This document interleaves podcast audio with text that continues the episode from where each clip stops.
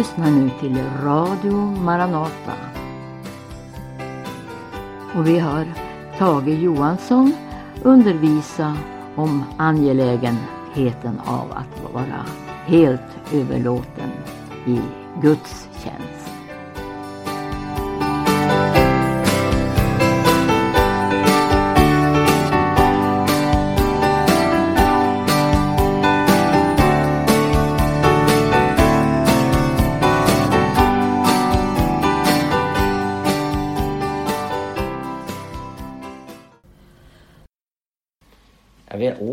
Liksom betona hur viktigt det är att, att det är en sån viktig upplevelse eh, i den troende människans liv att hon har överlåtit allt åt Gud.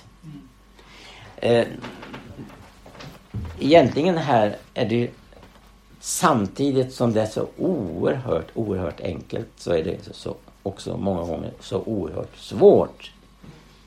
Och det beror på, på vår kanske både tröghet och ovilja. Också frågan är den allvarliga frågan som vi läser om i ett sammanhang i Lukas evangelium. Är vi, har vi beräknat kostnaden? En som skulle bygga torn, så kom han fram till det att han har inte material tillräckligt. Han förmådde inte. Vilket oerhört eh, allvarligt ord. Det kan sägas så många, den förmådde inte att fullborda vad Gud hade sagt skulle ske i vederbörandes liv. Hade inte resurser. Eller om man ska gå ut i krig och han upplever att han har inte så stor armé som den som kommer emot honom och då måste han underhandla om fred. Och det är väl så många sker. Man försöker underhandla, underhandla om fred men det går aldrig med Gud. Antingen eller är det ju detta. Antingen ska Gud ha allt eller inget. Det är bara så. Och ingen kan tjäna två herrar. Det är full överlåtelse. Men det, det som är så gripande är ju att Gud begär ingenting annat än ett medgivande. Medgivande består i att jag är redo att ge honom allt. Ett medgivande att, eh, eh, att Gud ska få utföra sitt verk i mig. Alltså, jag går med på det Gud vill göra i mitt liv. Jag går med på det. Ett medgivande. Det är endast Gud behöver. Gud behövde endast ett medgivande av de här som skulle revolutionera hela världen. De skulle gå ut i hela världen ett fåtal människor skulle förändra hela världen på det viset att evangelium skulle nå ut till alla folk. Gå ut i hela världen.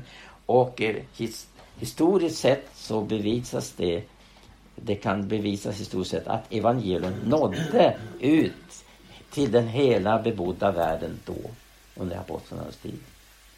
Den nådde fram. Ett så få antal. Men det är så här precis också som han, den här författaren Andrew Murray skriver i den här boken att eh, det finns inga gränser vad Gud kan göra i den som överlåter sitt liv åt honom. Jag kan berätta om en händelse en gång som skedde. Det var så att eh, en känd, mycket känd eh, förkunnare, ja, Leve Petrus. När han eh, var eh, baptistpredikant så besökte han något pingstmöte i Norge. Mm. Och han träffade där T.B. Barat som var mycket, så mycket känd förkunnare. Som räknas som en av de förgrundsfigurerna till pingstväckelsen i, i Norge och inte bara Norge utan många andra länder. Då var det så här att han begärde förbön där. Han längtade efter att, jag, att få uppleva något mer än det han hade för baptisterna förkunnar ju inte detta om andens dop, andens gåvor. Utan det kom ju genom pingstväckelsen med andens dopet och andens nåd. Men nu, så gick han fram till förbön.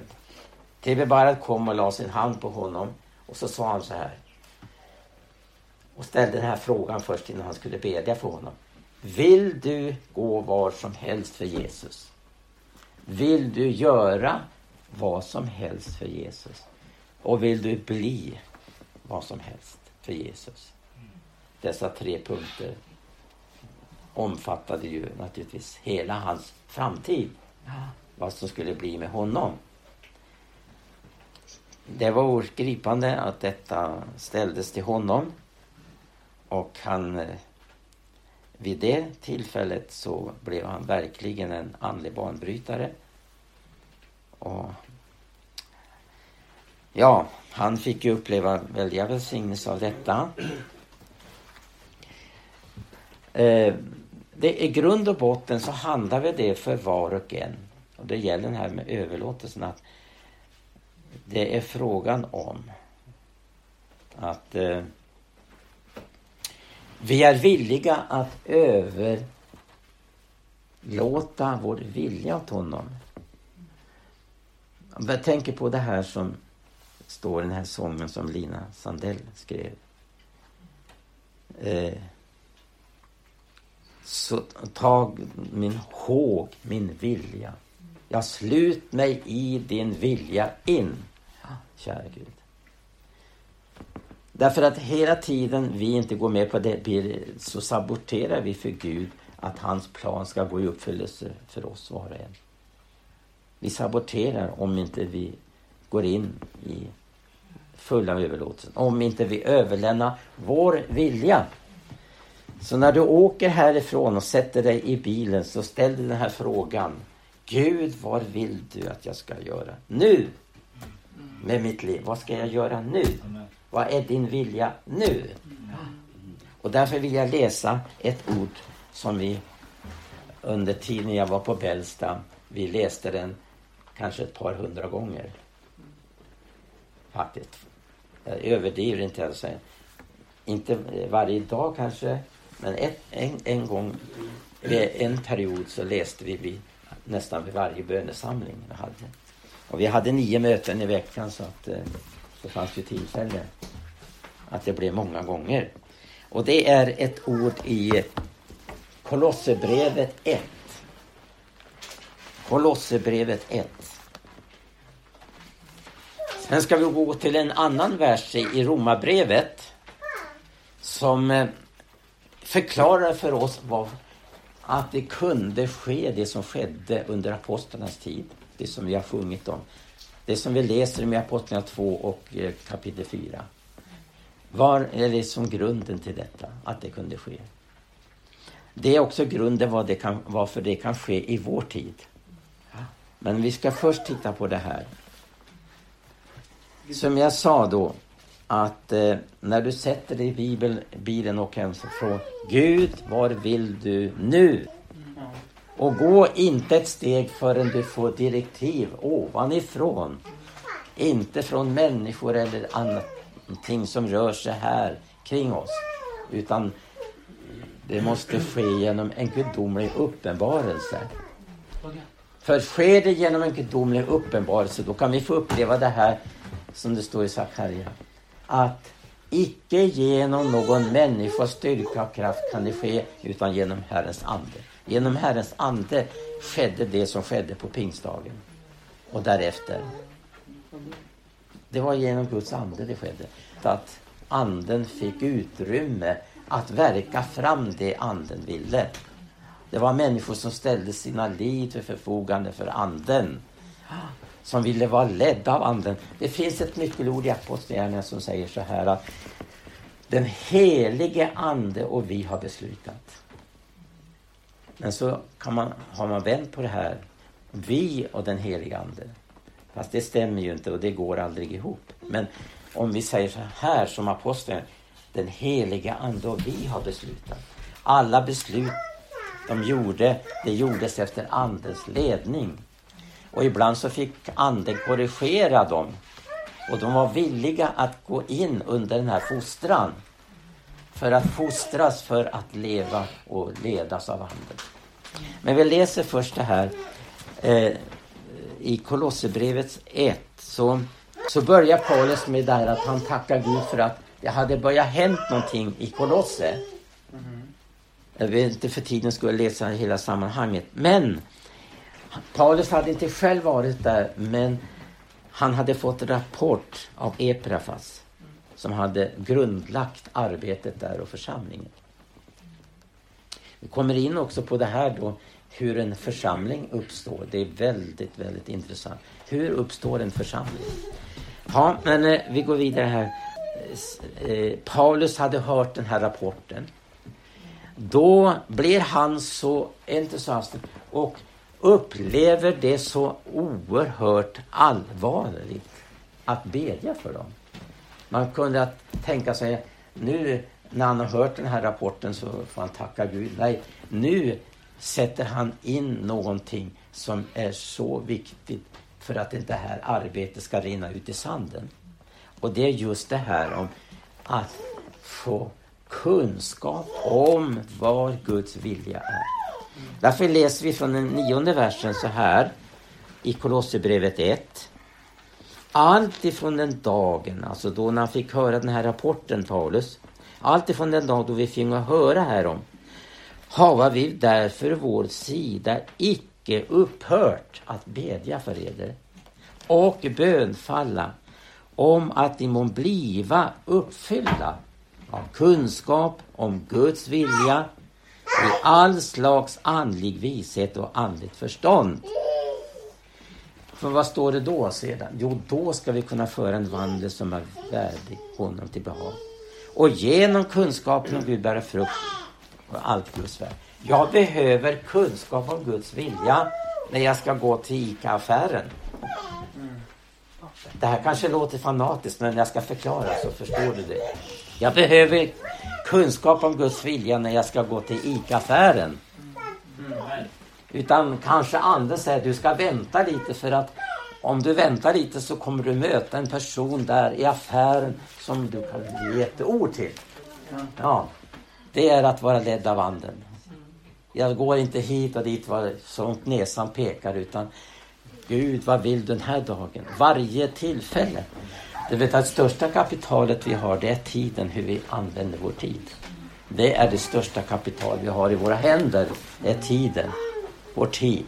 Vår korta tid här på jorden. Var det inte så? Jag har många gånger tänkt på, vad heter han? Den här för, kända författaren.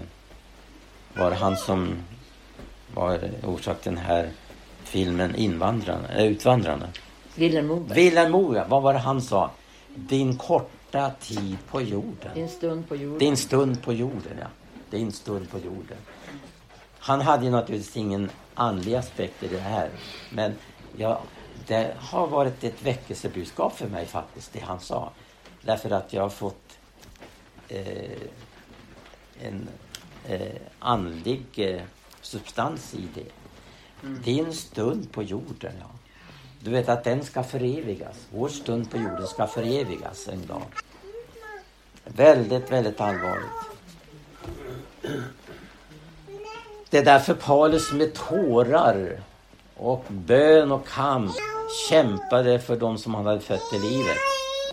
Och han var angelägen också att det ska göras så att inte han behöver lägga träda framgång, göra räkenskap med blygsel eller inte jag blygsel, men alltså att med suckan står det, med suckan. Utan att hans arbete skulle få fullt ut bära frukt. Kunskap om Guds vilja i all slags andlig vishet Jag behöver det under hela mitt dagliga liv, i det praktiska livet. Vad än jag gör här i tiden. Kära Gud. Det är ju fantastiskt att i den här enkla vardagen kan uppleva att Gud är intresserad av min vardag. I det lilla jag gör. För det kan få ett evighetsperspektiv över sig, det jag gör. Jag lever inte här bara för att, utan jag måste få uppleva vad som är det väsentligaste. Så att allting ska underordna sig vad Guds rike står för till exempel. Vad, vad står Guds rike för? Och det här kommer ju fram liksom för det gäller Marta och Maria. Maria hon förstod vad som var det väsentligaste just då när Jesus var på besök. Han kom inte varje dag på besök. Det var ett dyrbart tillfälle för henne men Marta såg inte det här. Utan hon var upptagen med det här. Men Jesus sa allenast detta nödvändigt. Det är inte fel i att, att arbeta, att göra det hon gjorde. Men hon hade fel perspektiv. Det fanns någonting som var viktigt, övergripande. Guds rike måste vara övergripande i hela vårt liv, vårt görande, vårt tänkande. Och då när vi får uppleva detta, vad som är Guds vilja, då kan vi föra en vandel. Det är ett gammalt ord, det står inte till exempel i 1917. Men vad står det i folkminne? Här står det vandel, det är ett gammalt ord. I vilken vers? Eh, Det är tionde versen. Vi be, eh, målet är att ni ska leva värdigt Herren och behaga honom på allt sätt genom att bära frukt i alla slags goda gärningar Ja. och växa i kunskapen om Precis. Gud. Ja, precis. Ja, det är ju nyttan med det här olika översättningar att det, man får fram flera sidor av samma bibelord. Det, det liksom utökar eh, insikten. Ja, då har vi ju naturligtvis grundtexten. Den, den är ju den som kan grundtexten har, har ju en väldig tillgång. Men det är underbart ändå att den som inte har den möjligheten får många gånger uppleva hur den heliga Ande utlägger texten och gör den levande. Och man ser saker som man tidigare inte har sett i bibelordet, fast man kan det utantill. Så kommer Anden och eh, utvidgar eh, området för vad det är som det handlar om. Föra en vandel som är värdig Herren. Och genom kunskapen om Gud bära frukt. Därför är det så angeläget för det som kommer till en församling eh, som nyfödda barn att de får rätt mat i rätt tid. Så att de kan växa upp i det här. Är är det barn? Vi har ett barn här. Hon är ett barn. Hon har inte den kunskapen om vad som är farligt. Det måste andra vaka över. Så att inte hon ger sig in på det som är farligt. Men så växer barnet upp och får mer och mer kunskap. Och det är så viktigt att de nyfödda får, får mat i rätt tid. Och då säger ju Bibeln också att det, det, det, det finns de som är satta till att ge mat i rätt tid i församlingen. Tack och lov, käre Gud. Ja, då ska vi gå till det här bibelordet som ger en förklaring att det kunde överhuvudtaget hända det som hände. Och det som jag har sjungit om, att man börjar sälja sina gårdar. Att man gör av med massor av ting och delar med sig av de som inte har. Hur är det möjligt att så, någonting sånt kan... Det här är saker som ingen diktatur förmår i världen. Ingen kan tvinga fram något sånt här.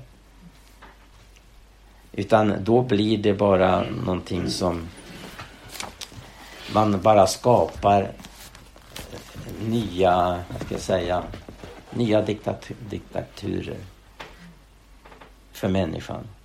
Man ska... Eh, det finns ju där som i kommunisterna i kommunisterna har ju då alltså naturligtvis det här med utjämning. Det finns ju fina tankar bakom det. Men som vi sjöng här, de har lagt förgänglighetens grund. Det är utsiktningslöst. Och det faller ihop. Men tänk att Guds rike består, Herre. Andra riken går under, men Guds rike består. Tack och lov. Men det här ordet, vi ska, som förklarar vad det hemligheten att de kunde handla på det här viset. Att komma tillsammans varje dag, det var väl, det måste vara tråkigt. Varje dag komma samman och bedja. Men för dem var det inte tråkigt, för då var det en livsfunktion. Ett livsflöde. att komma tillsammans varje dag. Men hemligheten till det här, det hittar vi i Romarbrevet eh, 6 och 17. Då skriver Paulus så här då, att eh, han tackade Gud att den tiden var förbi att de var syndens tjänare. Och att ni har blivit av hjärtat lydiga.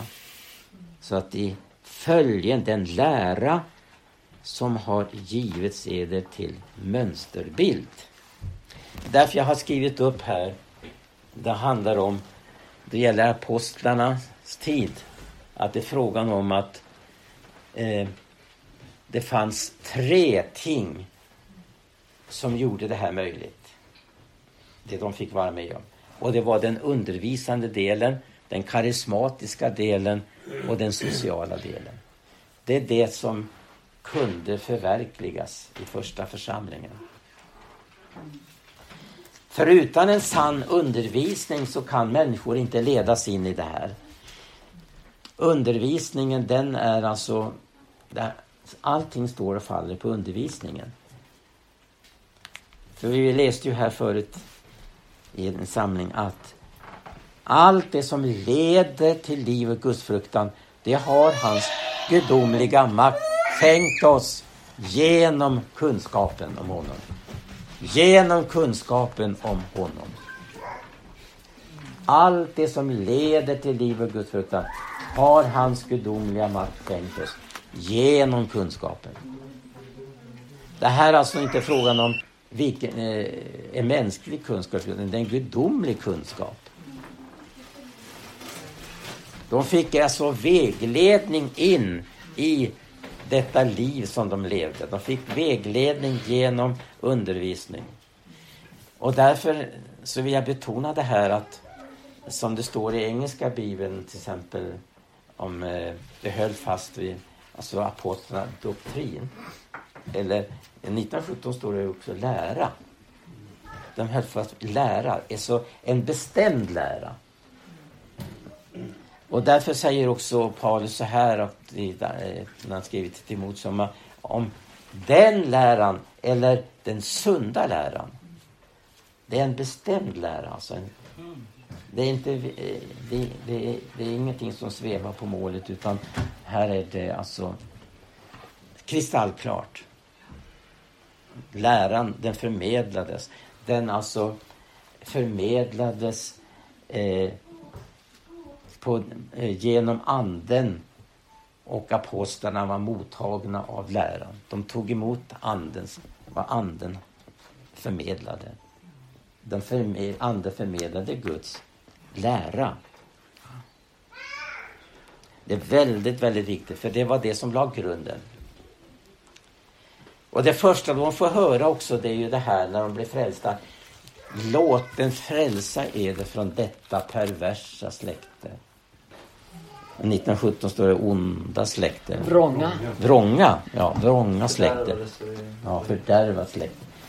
En annan översättning, grundtexten har visst perverst. Perversa släkte. Ja. Oerhört. Vad som, vilken revolution i en människas liv. När hon går ifrån, över från död till liv. Och får mottaga det här undervisningen som de behövde vid det tillfället när de hade mottagit. Låt den frälsa er det nu från detta. Och alla den som tog emot ordet och lydde lät att döpa sig. Och så ökade församlingen på den dagen. Vi pass 3000 människor. Fantastiskt. Men detta med det undervisning, apostlarnas undervisning det ledde fram också till den här upplevelsen som ligger till grunden att det här var möjligt. För utan den helige Ande, utan det karismatiska eh, eh, inslaget kan man aldrig komma fram till det som skedde. För att eh, det står ju så här att eh, ni har blivit av hjärtat lydiga. Av hjärtat lydiga. Det är alltså verkligen den helige Andes verk i en människas liv. Så att ni följer den lära, står det här nu, som har givits er till mönsterbild. Av hjärtat lydiga så till följen den lära som har givits eder till mönsterbild. För att eh, få en annan eh, blicka in i det här med läran från en annan sida. Hur förstår hur vikt, vad den eh, vad, eh, vad egentligen läran är för någonting.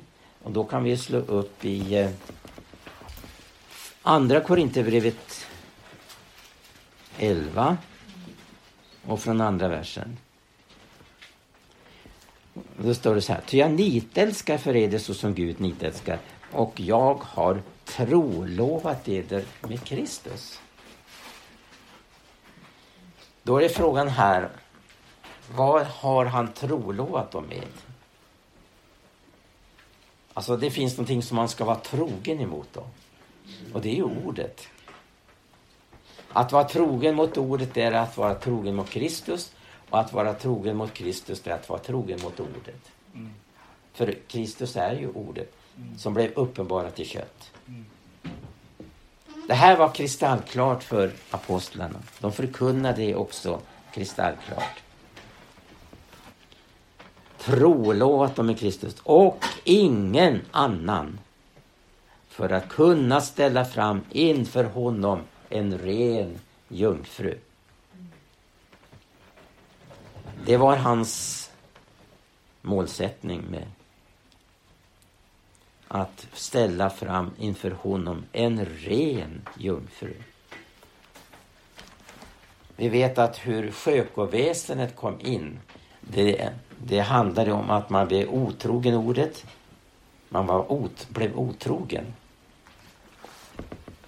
Otrogen apostlarnas lära. Otrogen uppenbarelsen som Gud hade gett församlingen. Men under apostlarnas tid så var det, det här befäst hos apostlarna. Är det befäst hos de ämbeten som finns i församlingen, då finns det förutsättningar att de kan leda och hjälpa andra och befria dem ifrån det som är på väg att besmitta. Men är det inte befäst hos apostlarna, då är det öppet för ett avfall. Då kommer avfallet in i församlingen. När det inte finns befäst hos apostlarna. För hela tiden är ju frågan om att det finns människor som lever i ett utvecklingsstad eller till på, står på tillväxt. Om man säger så. Växa upp ja, till kunskap. Och de ska växa upp så att de inte blir längre, som det står, lik havets vågor som kastas en hit och dit i läran. Det kommer till den fulla förståndsvishetens hela rikedom. Förståndsvisshet. Det får vi i ordet, halleluja. Det oförfalskade ordet. Det rena ordet. Som inte har beblandats av någonting annat. Och där har vi ett uppdrag i den här tiden. Verkligen att eh, det här ska bli befäst hos oss. Mer, mera av Du har nu hört ett program ifrån Radio Maranata. Det var Tage Johansson som undervisade eh, ett bibelstudium om angelägenheten av att vara överlåten i Guds tjänst.